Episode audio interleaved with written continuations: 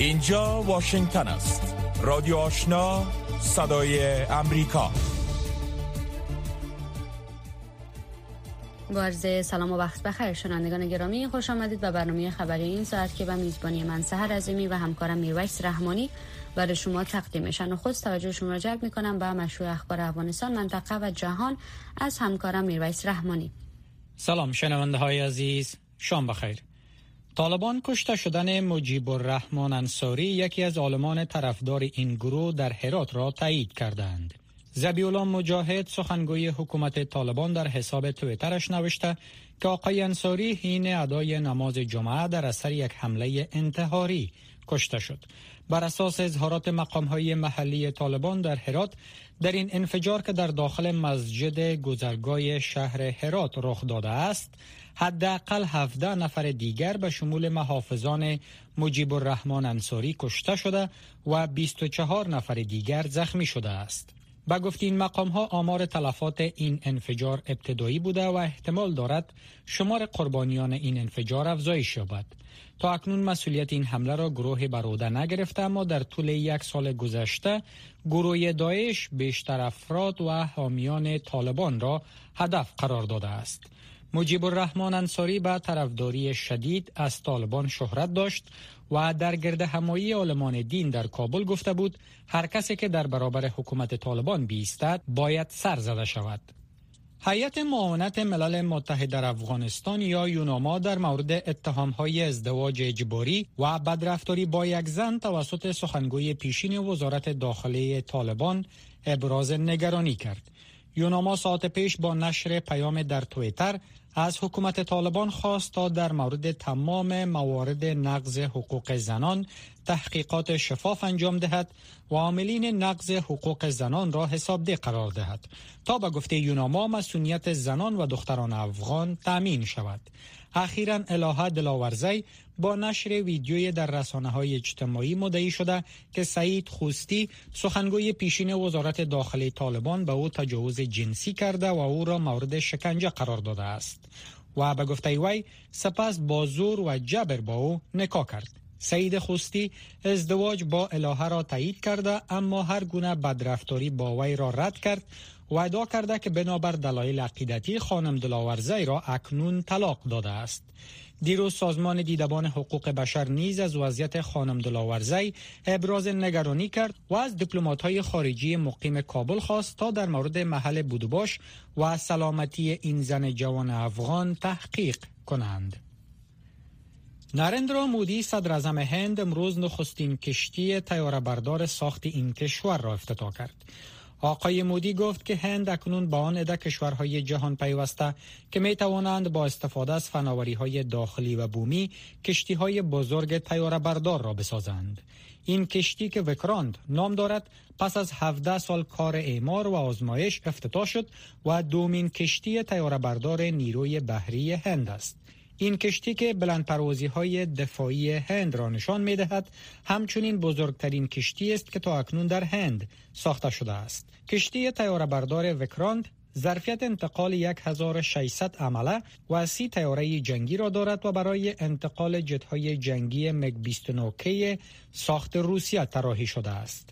هند نخستین کشتی تیاره بردار خود را از روسیه خریداری کرده بود و اکنون تلاش دارد تا بیشتر نیازمندی های دفاعی خود را در داخل کشور تولید و تهیه کند. مسکو می‌گوید که روسیه به کشورهایی که در پی تعیین سقف قیمت برای منابع انرژی روسیه اند نفت نخواهد فروخت. تفصیل بیشتر را از سحر عظیمی میشنویم. دمیتری پسکوف سخنگوی کرملین امروز گفت که شرکت هایی که برای منابع انرژی روسیه سقف قیمت تعیین می کنند در میان دریافت کننده نفت روسیه نخواهند بود. این مقام روسیه افزود که تعیین سقف قیمت برای نفت و گاز روسیه منجر به بی شدن گسترده بازارهای جهانی نفت خواهد شد. قرار است امروز جمعه وزرای مالیه هفت اقتصاد بزرگ جهان یا گروه هفت و گروه مجازی با هم ملاقات کرده و روی تعیین سقف قیمت برای نفت روسیه بحث کنند. اقدامی که می‌تواند درآمد روسیه از بابت فروش نفت را کاهش دهد. اتحادیه اروپا در اوایل سال جاری میلادی ممنوعیت قسمی بر واردات نفت از روسیه وضع کرده و گفت که در صورت اعمال کامل این ممنوعیت 90 درصد صادرات نفت روسیه به 27 کشور عضو این اتحادیه متوقف خواهد شد. اورسولو وان دیرلین رئیس کمیسیون اروپا امروز گفت که اکنون زمانان رسیده تا اتحادیه اروپا سقف قیمت خریداری گاز از روسیه را تعیین کند. ایالات متحده می گوید که پاسخ تهران در مورد احیای توافقنامه هسته ای ایران سازنده نیست. جزیات بیشتر را قدیر مشرف تقدیم می کند. اتحادیه اروپا که بین ایالات متحده و ایران به خاطر احیای این توافقنامه میانجیگری می کند در 8 اگست از نهایی شدن متن این توافقنامه خبر داد. ایران سپس خواستار ایجاد تغییراتی در این متن شد که عمدتا مورد قبول اروپایی ها قرار گرفت و امریکا نیز به آن پاسخ داد. ناصر کنعانی سخنگوی وزارت خارجه ایران دیروز گفت که کشورش پاسخ تازه‌ای به موقف امریکا داده است. اما سخنگوی وزارت خارجه امریکا ضمن آنکه دریافت پاسخ ایران را تایید کرد گفت که متاسفانه پاسخ تهران در مورد موقف واشنگتن سازنده نمی باشد ایالات متحده تا کنون در مورد جزئیات اختلافات بین دو طرف به گونه علنی صحبت نکرده اما تاکید ایران مبنی بر مسدود شدن یک دوسیه تحقیقاتی ملل متحد در مورد سه ساحه اعلام ناشده هسته ای ایران یکی از این اختلافات است وزارت دفاع تایوان می‌گوید که امروز 19 تیاره جنگی و سه کشتی نظامی چین را در اطراف تایوان شناسایی کرد. گفته این وزارت چین هنوز هم سرگرم انجام فعالیت های نظامی در اطراف تایوان بوده اما کشتی ها و تیاره های چینایی تا اکنون از خط مرزی تنگه تایوان که مرز غیر رسمی بین دو کشور محسوب می شود عبور نکرده است. در این حال سو سینگ چنگ صدر تایوان گفته است که سرنگون کردن یک تیاره بی سرنشین در نزدیکی یک جزیره تحت کنترل این کشور مناسب ترین اقدام بوده است. اردوی تایوان برای نخستین بار یک تیاره بدون سرنشین غیر نظامی را پس از آن سرنگون کرد که این تیاره وارد حریم هوایی این کشور شد. چین که تایوان را جز قلمرو خود تلقی می کند در واکنش گفته است که تایوان در پی تشدید تنشها در منطقه می باشد. پایان خبرها. رادیو آشنا صدای امریکا هفت روز هفته خبر و گزارش ها و تحلیل های خبری روز. و حالا می‌رسیم به بخش گزارش های این ساعت. با افزایش گزارش ها از ازدواج اجباری دختران افغان توسط اعضای طالبان شماری از نهادهای حامی حقوق بشر در مورد این قضایای ابراز نگرانی کردند. گروه طالبان تا اکنون در مورد این گزارش ها به گونه رسمی واکنش نداده است. این در حالی است که اخیرا سعید خستی سخنگوی پیشین وزارت داخلی طالبان توسط یک زن که خود را همسر آقای خستی معرفی می کند متهم به ازدواج اجباری و تجاوز جنسی شد. اتهامی که این مقام طالبان آن را رد کرده است. ژیلا نوری با جزئیات بیشتر. شمار از فعالین حقوق بشر و حامیان حقوق زنان در برابر نشر ویدیوی الهه یک محصل افغان که ادعا می‌کند که بازور و جبه در عقد نکای سعید خستی سخنگوی پیشین وزارت داخلی حکومت طالبان درآمده است. واکنش نشان دادند شهلا فرید استاد پیشین دانشگاه کابل می‌گوید که طالبان با عقد اجباری اصول شرعی و حقوقی زنان را زیر پا گذاشتند. و این کار نادرست است. بحثی که طالبان از سو استفاده می‌کنن و رضایت در ازدواج به زعم خود تعبیر می‌کنن او ای است که فشارهای قبلی را سر طرف وارد می‌کنن یا فشارهای فیزیکی یا معنوی. تهدید و ترس و حراس را بر سرش وارد می‌کنن بدن رضایت میده. اینمی رضایت میگن که خودش در ازدواج رضایت داشته. البته این دیدگاه طالب است.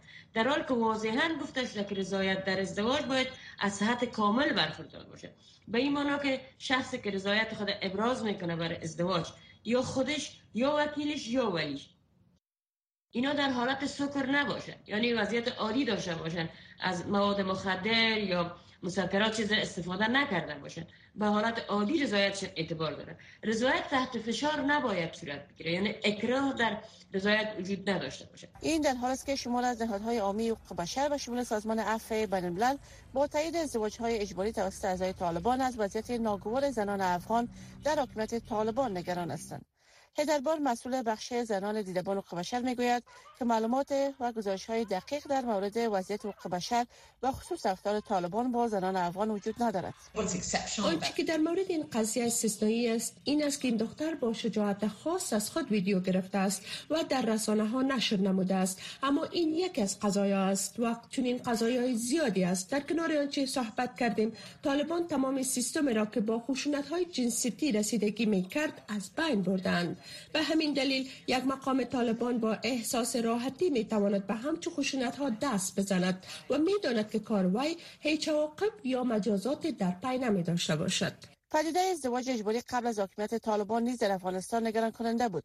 طبق گزارش سازمان عفو بین الملل دهها دختر نوجوان و جوان افغان به دلایل مختلف چون فقر و های خانوادگی مجبور به های اجباری شدند. بانک سعید خوستی سخنگوی پیشین وزارت داخلی طالبان ادعاهای ازدواج با الهه را پذیرفت اما تجاوز جنسی و شکنجه را رد کرده است. ادعای تجاوز جنسی نکاح اجباری و شکنجه بر این خانم افغان توسط عضو طالبان واکنش های زیاد را در بر داشته است و بسیاری ها در مورد امنیت خانم لاها اظهار نگرانی نمودند. حشمت وجدانی فعال حقوق بشر می‌گوید زنان افغان با آمدن طالبان تحت فشارهای زیاد قرار گرفتند و این گزارش بیانگر شکنجه روحی و روانی زنان افغان در حکومت طالبان است. نهادهایی که حامی زنان بودن و حامی حقوق زنان بودن در افغانستان مثل نهاد مستقل حقوق بشر و سایر نهادهایی که در این عرصه کار می‌کردن امروز در افغانستان متاسفانه وجود ندارن محاکم به شکلی که باید عدالت را تامین بکنن. متاسفانه امروز وجود نداره یگانه راه حلی که وجود داره است که همچو قضایا باید همچو قضایا بیطرفانه در مورد پیگرد همچو قضایا یک محکمه عادلانه برپا شود تا این قضایا را بررسی بکنن و کسانی که مرتکب اعمال شدن باید مجازات شوند. در میان سایر واکنش ها سمیرا حمیدی کارمند بخش جنوب آسیا در سازمان عفو بین نیز بعد حالات سعید خستی واکنششان داده است و در توییتر نگاشته است که طالبان زیر نام دین اسلام از دختران و زنان افغان استفاده می‌کنند. حکومت طالبان تاکنون درباره ادعای این دانشجوی دختر و بررسی و پیگرد ادعاهای دو طرف ابراز نظر نکرده است. روکو راست.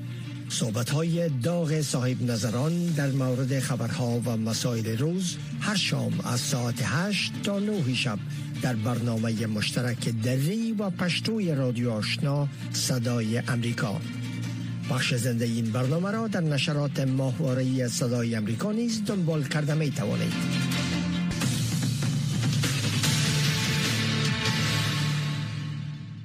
اتاق تجارت و سرمایه گذاری افغانستان می‌گوید که حکومت پاکستان محصول گمرکی ترکاری و میوه تازه افغانستان را برای سه ماه معاف کرده است.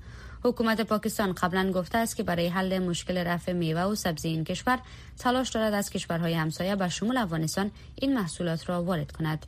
جزئیات بیشتر در این گزارش. مقامات اتاق تجارت و سرمایه گذاری افغانستان می‌گویند که هیئتی از این اتاق در کنار مسائل مربوط با مسئولان اتاق تجارت و سرمایه گذاری پاکستان در اسلام آباد با وزیران مالیه و تجارت آن کشور نیز درباره موانع موجود فراراه ترانزیت و تجارت و راه های حل آن گفتگو کرده است. خانجان علکوزه عضو هیئت مدیره اتاق به صدای امریکا گفت که به دلیل سیلاب های اخیر در پاکستان نیاز به ترکاری به ویژه پیاز و بادنجان در آن کشور افزایش یافته و اسلام آباد می‌خواهد که این محصولات را از افغانستان وارد کند. با گفته آقای علکوزی در این زمینه آن کشور خواستار همکاری تاجران افغان شده است. زمون پیشنهاد ورته باید تسهیلات راشي تعرفه د منځ شي پیشنهاد ما برایشان این بود که باید تسهیلات فراهم شود. تعرفه از بین برود یا کاهش یابد. در ضمن در تاجیکستان و ازبکستان در آسیای میانه که سیلاب نبود ترکاری وجود دارد. زمینه نیز فراهم شود که از این طریق ترانزیت گردد. روی این موضوع آنها سه ما تعرفه یا محصول گمرکی سبزی و میوه افغانستان را حذف کردند. کاری خوب شد. محصول سبزی و میوه باندې د دا ډیر ښه کار وشو بر بنیاد گزارش بارانهای شدید و سیلاب‌های ناشی از آن در پاکستان محصولات زراعتی را از بین برده و سبب شده است تا نرخ میوه و سبزی در سراسر این کشور افزایش یابد. حکومت پاکستان برای حل این مشکل تلاش دارد از کشورهای همسایه به شمول افغانستان این مواد غذایی را وارد کند نوید قمر وزیر تجارت پاکستان روز چهارشنبه گفت که حکومت به توافق برای وارد کردن سبزی و سایر مواد غذایی از ایران و افغانستان نزدیک شده است و افزود که از کابینه حکومت پاکستان خواسته شده تا این پیشنهاد را به گونه فوری تصویب کند حکومت طالبان و حکومت ایران تا اکنون در این مورد اظهار نظر نکردند. ایسا رضایی استاد اقتصاد برداشتن محصول گمرکی از تولیدات زراعتی افغانستان را به نفع اقتصاد دهقانان و تاجران می‌داند اما تاکید کرد که پاکستان از روی ناگزیری این اقدام را کرده است. پاکستان در داخل با کمبود محصولات زراعتی مواجه شده به خاطر سیلاب های اخیر.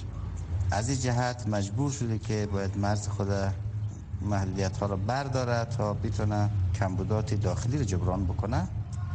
یک امر مبارک و خوب است برای اقتصاد افغانستان ولی خوب دیر هنگام بوده. متاسفانه به خاطر که فصل میوه و میوجات تابستانی ما در حال پایان یافتن است. از سوی هم خانجان علکوزایی گفت که در مورد پرداخت دمرج یا کرایه باراندازی اموال ترانزیتی تاجران افغان در بندر کراچی با مقامات پاکستانی صحبت کردند و جانب پاکستان گفته است که پس از این بر اساس راهکار جدید پارلمان پاکستان در این زمینه عمل خواهد شد.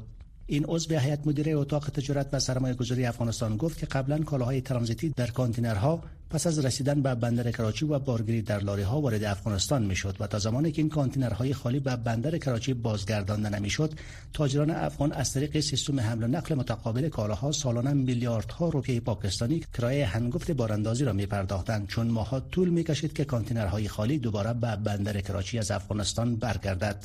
دغه مشکل د حل لپاره برای حل این مشکل تلاش های جدی ما ادامه داشت. سرانجام پارلمان پاکستان تصویب کرد که بارگیری متقابل در بندر کراچی تغییر یابد و اموال از یک کانتینر به کانتینر دیگر منتقل چک و مهرلاک شود و به افغانستان ارسال گردد. این برای ما یک دستاورد بزرگ بود و نقش مهمی در ترانزیت و تجارت بین افغانستان و پاکستان بازی خواهد کرد. پاکستان په ترانزیت او تجارت کې ډیر مهم رول ولوبي همچنان اتاق تجارت و سرمایه گذاری افغانستان به حکومت پاکستان پیشنهاد کرده است که پنبه افغانستان در لاره های سرباز و بدون کانتینر به بندر کراچی منتقل شود. نورالله عزیزی تحلیلگر امور اقتصادی به صدای آمریکا گفت که پاکستان همواره در برابر تجارت افغانستان عهد شکنی و مشکل تراشی کرده است و در بلند مدت برای رشد تجارت افغانستان باید راههای بدیل با سهولت‌های بیشتر برای تاجران افغان جستجو شود. همچنان به گفته آقای عزیزی دیپلماسی تجارتی که در تمام دنیا وجود دارد. با استفاده از آن می‌توان روابط تجارتی افغانستان و پاکستان را بهبود بخشید. نقطه سوم که بسیار اساسی است و می توان افغانستان در هر زمان با هر همسایه که ما ارتباط تجارتی داریم کمک بکنن. او تعرفی بالمثل یا تعرفی متقابل هست. با این معنا که هرگاه توسط کشور همسایه به خاطر صادرات افغانستان مشکل ایجاد میشه توسط بلند بردن تعرفه یا مسئولات ترانزیتی و یا چیزهای دیگه افغانستان باید بالمثل عمل بکنه. این تحلیلگر اقتصادی افزود که در مجموع افغانستان با تمام کشورهای همسایه خود روابط تجارتی و ترانزیتی دارد. برای بیرون رفت از مشکل تجارت تفاهم نامه ها و اسناد را امضا کند که منجر به ایجاد تسهیلات برای تاجران افغان شود. صدای امریکا رادیو آشنا 100.5 اف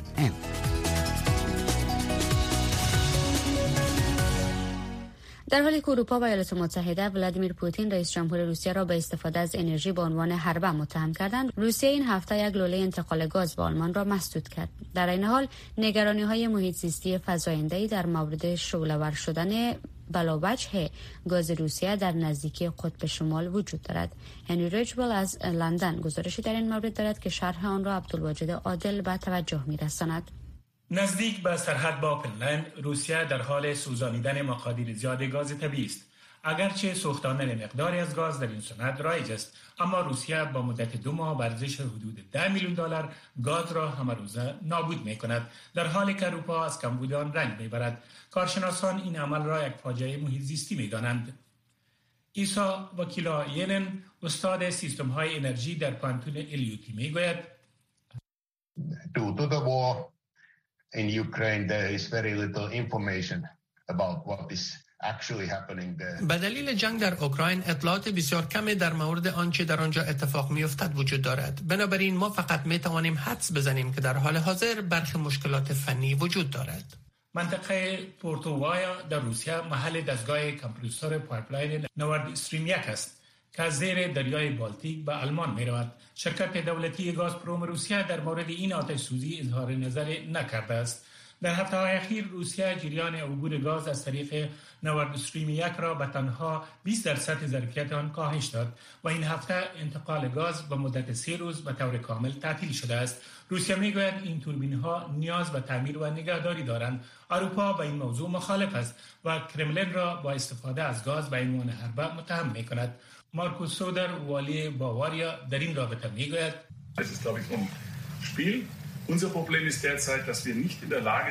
من فکر می کنم این یک نوبازی است. مشکل ما در حال حاضر این است که در موقعیت نیستیم که بتوانیم به اندازه کافی به این بازی پاسخ دهیم. قیمت گاز اروپا در دهه گذشته به حدود ده برابر قیمت وسطی آن افزایش یافته است. آلمان در ماه جون بحران گاز را اعلام کرد و هشدار داد که مصرف کنندگان و کسب و کارها باید مصرف گاز خود را کاهش دهند. اکنون مصرف حدود 20 درصد کاهش یافته است. امانوئل ماکرون رئیس جمهور فرانسه در یک سخنرانی تند نسبت به پایان زمان فراوانی هشدار داد. Notre liberté, le régime de liberté de vie dans lequel nous sommes. آزادی ما سیستم آزادی که ما به زندگی در آن عادت کرده ایم پرهزینه است. روسیه سال گذشته 40 درصد گاز خود را به اتحادیه اروپا عرضه کرد. همانطوری که کرملین شیردهانهای لوله های انتقال گاز را میبندد اروپا در تلاش است تا منابع جایگزین پیدا کند. واردات گاز طبیعی مایع یا LNG از جمله از ایالات متحده به تکمیل ظرفیت ذخیره سازی گاز تا 80 درصد کمک کرده است که دو ماه زودتر از هدف اتحادیه اروپا بوده است و این موضوع بازارها را آرام ساخته است. تام اودانل تحلیلگر امور انرژی می‌گوید Storage by itself isn't enough for the winter. ذخیره سازی به تنهایی خود برای زمستان کافی نیست. با قطع شدن همه pipeline های گاز چیزی که ما باید از روسیه انتظار داشته باشیم تمام لوله های گاز آنها قطع خواهد شد. حتی با وجود تمام آن گاز مایی که می توانیم به دست بیاوریم این ذخیره سازی در فصل تابستان تنها برای دو ماه دوام می کند و سپس می دانید اروپا با مشکل مواجه می شود. اروپا در تلاش است تا خود را از اتکا به گاز پوتین رهایی بخشد. اما تحلیلگران مانند تام اودانل می‌گوید حصول این معمول حداقل دو سال طول می‌کشد. In the meantime, he has leverage and he will use it all he can before he totally loses the business.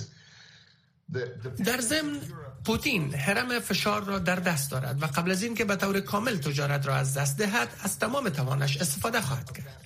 وابستگی اروپا به گاز انتقالی روسیه از طریق pipeline بسا بزرگتر از اهمیت این پول برای پوتین است. زیرا او از نفت پول بیشتری به دست می آورد در سرتاسر اروپا ترمینال های گاز مایع جدید در حال ساختمان است. دستگاه های قدیمی زغال سنگ و هسته‌ای دوباره به کار انداخته می شود سرمایه گذاری بزرگی در زمینه انرژی های پذیر وجود دارد. اما برای کوتاه مدت ممکن است کافی نباشد و دولت های اروپایی به خاطر زمستان سختی که در پیش روست هشدار می‌دهند. تلویزیون آشنا دریچه شما و سوی جهان. نه تنها در صفحه تلویزیون بلکه در صفحه اختصاصی فیسبوک تلویزیون آشنا. در وبسایت دری با آدرس voanews.com دری. در یوتیوب با آدرس voa افغانستان دری. و در صفحه اینترنتی تویتر. تلویزیون آشنا در هر زمان و هر مکان پیوند دهنده شما با جهان. جو بایدن رئیس جمهور ایالات متحده در یک سخنرانی پرشور روز پنجشنبه در شهر فیلادلفیا ده ها مرتبه از واژه دموکراسی استفاده کرد.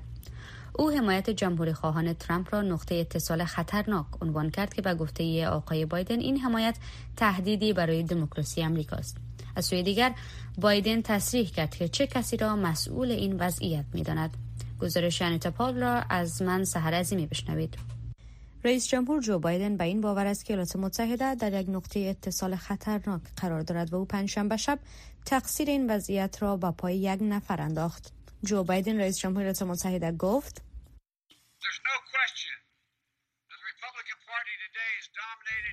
جای شک نیست که امروز حزب جمهوری خواه تحت سلطه ارعاب به رهبری دونالد ترامپ و جمهوری خواهان طرفدار پالیسی های ترامپ قرار دارد و این یک تهدید به این کشور است. بایدن 25 دقیقه صحبت کرد و در این مدت حداقل 25 مرتبه کلمه دموکراسی را به کار برد. رئیس جمهور ایالات متحده از این کلمه با عنوان دستاویزی علیه جمهوری خواهان همسو با ترامپ استفاده کرد که ادعای نادرست ترامپ را مبنی بر دزدیده شدن انتخابات سال 2020 تکرار می کنند. اینها شامل افرادی هستند که برای سرکوب حضور رای دهندگان در ایالت های کلیدی کوشش می کنند و کسانی که در تلاش برای شورش در کنگرس در ششم ماه جنوری سال 2021 شرکت کرده و یا این حرکت را تشویق می کنند. اما همچنین از این کلمه برای انعکاس آنچه به باور وی یک آینده بهتر به رهبری حزبش است استفاده کرد و دستاوردهای اخیر بخش قانونگذاری را به عنوان مدرک پیشکش نمود. رئیس جمهور جو بایدن اضافه کرد.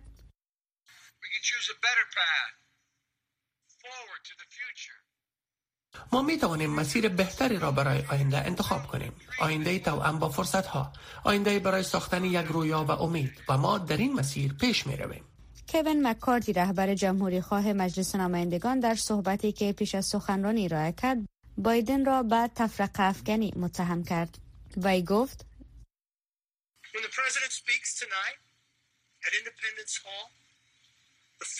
هنگامی که رئیس جمهور امشب در سالن استقلال سخنرانی می کند اولین خط از دهان او باید عذرخواهی برای تهمت زدن به ده میلیون امریکایی به عنوان فاشیست باشد این دومین سفر بایدن به ایالت کلیدی در این هفته است. پنسیلوانیا یک ایالت رقابتی است که با عنوان میدان نبرد بین دموکرات های بایدن و جمهوری خواهان ترامپ در انتخابات میان دوره اواخر سال جاری شکل می گیرد. در اوایل روز کارین جان پیر سخنگوی قصر سفید تاکید کرد که سخنرانی جو بایدن چیزی بیش از یک سخنرانی عادی بود. این سخنرانی در مورد مبارزه اساسی در سراسر جهان بین خودکامگی و دموکراسی است و اینکه چگونه دموکراسی یک پایه اساسی برای این کشور برای حرکت به جلو است. تحلیلگران این موضوع را مطرح می کنند که پیروزی ها و اولویت های قانونی اخیر بایدن با مزامین سخنرانی همخوانی ندارد. ویلیام هاول از دانشگاه شیکاگو می گوید ما در حال مشاهده این موضوع هستیم که دموکرات ها چه موضوعاتی را سودمند می دانند. اسلحه یکی از آن است. دموکراسی موضوع دیگر است و همچنین جالب است که او در هیچ یک از این حوزه ها اقدامات قانونی زیادی انجام نداده است. او در مورد آن صحبت می کند اما نه با نگاه پالیسی به تصویب رساندن آن در حال حاضر بلکه با نگاه به تغییر شکل دادن ترکیب کانگرس این کار را انجام می دهد. با این اوصاف وقتی امریکایی ها از حقوق دموکراتیک رایدهی خود در ماه نوامبر استفاده کنند معلوم خواهد شد چه کسی پیروز میدان می باشد. چی رقم از گسترش کرونا ویروس که یک بیماری بسیار جدی جلوگیری کنیم بسیار سوال مهم. شستن مرتب دستا با صابون برای 20 ثانیه و یا همراه مایات که الکل داشته باشه. و بینی دان و چشما باید هیچ دست زدن نشه. وقتی شما میگین که شستن مرتب دستا منظورتون چیست؟ دستا باید همیشه بعد از سلفا و یا عطسه زدن. پس از تماس و یا پراساری از کسی که مریض است پیش از جور کردن و یا خوردن غذا بعد از تشناب رفتن و بعد از دست زدن به حیوانات یا انتقال زباله ها و کثافات باید شسته شود خب به این ترتیب رقمی که شما گفتین دست یک وسیله انتقال ویروس است. ما هر روز در خانه و بیرون خانه با مردم دست میتیم موضوع مهم را شما یاد کردین. از دست دادن دستبوسی و بغل کشی با دیگرها پرهیز بکنین. و از کسانی که سلفا و یا عطسه می‌زنن کم از کم یک متر فاصله بگیرین تا ویروس با هوای تنفس اونا به بدن خود انتقال نتین. پس در این صورت بهتر است که آدم همیشه ماسک بپوشه. راستی یک کپ بسیار مهمه دیگه. باید در جاهای آمد تف نکنیم و وقت سلفا و عدسه زدن دهان و بینی خود با دستمال یا آستین پد کنیم. مسئله مهم دیگه ایست که در صورت داشتن تاو سلفا و مشکل تنفسی فورا پیش دکتر بریم.